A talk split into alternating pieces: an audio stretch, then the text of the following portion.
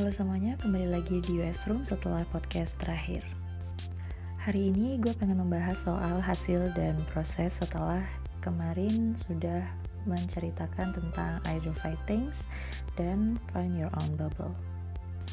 Setelah kita uh, sudah berhasil identify things soal apa yang kita suka dan kita nggak suka, apa yang kita tertarik dan kita nggak tertarik, Well, kalau kita tertarik sama apa yang coba kita lakuin, biasanya kita cenderung menganggap kalau kegagalan yang ada dalam prosesnya itu cuma bagian dari uh, fase kita terus belajar.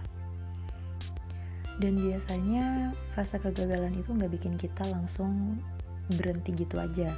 Kita biasanya masih pengen untuk gimana ya kalau kita coba lagi dan lagi, mungkin hasilnya bakal beda.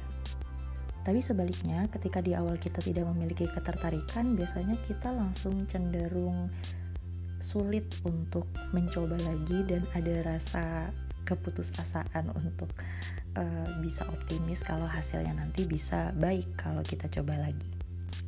Nah, dari situ kita bisa mengerti kalau misalkan ketika kita punya ketertarikan dan kita sudah melengkapi dengan sebuah tujuan, nah hal itu memudahkan kita memahami bahwa kegagalan itu hanya bagian dari proses itu sendiri. Nah, setelah ngelewatin proses itu, apakah hasil harus selalu baik? Um, kita semua pasti pengen ya punya hasil yang baik, tapi proses yang membuat diri kita utuh itu justru jauh lebih penting dan punya makna yang nggak bakal terukur. Nah, selain itu ada nggak sih yang lebih penting? Ada yang jauh lebih penting, yaitu di bagian menaruh ekspektasi. Dan rasanya nggak gampang banget buat kita untuk coba nggak berekspektasi, gitu kan? Terlebih kalau kita udah ngasih yang terbaik, tapi ternyata bukan kita yang paling tahu apa yang terbaik buat kita. Dan ternyata bukan kita juga yang bisa menilai usaha kita itu sudah semaksimal apa. Gue pribadi percaya kalau hasil yang baik atau buruk bagi kita itu semata-mata pilihan yang paling baik dari Tuhan buat kita. Sekalipun itu bentuknya dalam kesedihan, kekecewaan, atau kegagalan. Gue selalu percaya ada beribu kebaikan di balik kegagalan-kegagalan yang bikin kita ngerasa sedih dan kecewa atau ada sesuatu yang pasti bikin kita belajar dan untuk bisa jadi lebih baik. Ya balik lagi, bisa jadi apa yang menurut kita baik ternyata nggak baik buat kita dan bisa jadi yang menurut kita nggak baik ternyata itu yang paling baik buat kita. Dan dari situ gue merasa ternyata nikmat Tuhan itu nggak bisa kita prediksi dan bentuknya itu macem-macem. Gue sendiri sejujurnya bingung kenapa gue masuk jurusan matematika. Tapi setelah dipikir-pikir ternyata Tuhan itu menjawab doa-doa gue yang mana dulu gue pernah berdoa. Bukan dulu juga sih tapi sampai sekarang gue tuh selalu berdoa gue tuh pengen jadi orang yang berguna.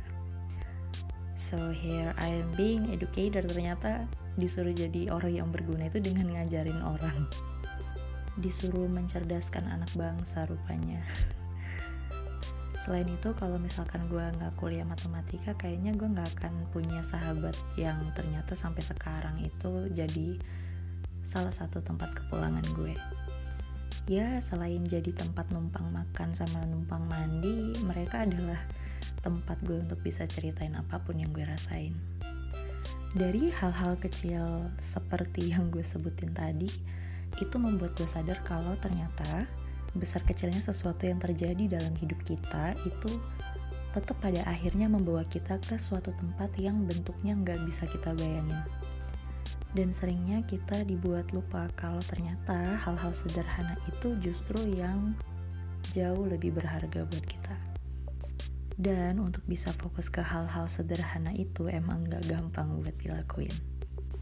Tapi rasanya dari situ, rasanya kita jadi sedikit punya alasan untuk nggak terlalu takut sama nggak terlalu khawatir atas serangkaian kegagalan dan kekecewaan yang sewaktu-waktu bisa kita alami. Jadi, uh, tetaplah berprasangka baik. Tuhan tahu mana yang paling sanggup untuk kita jalani.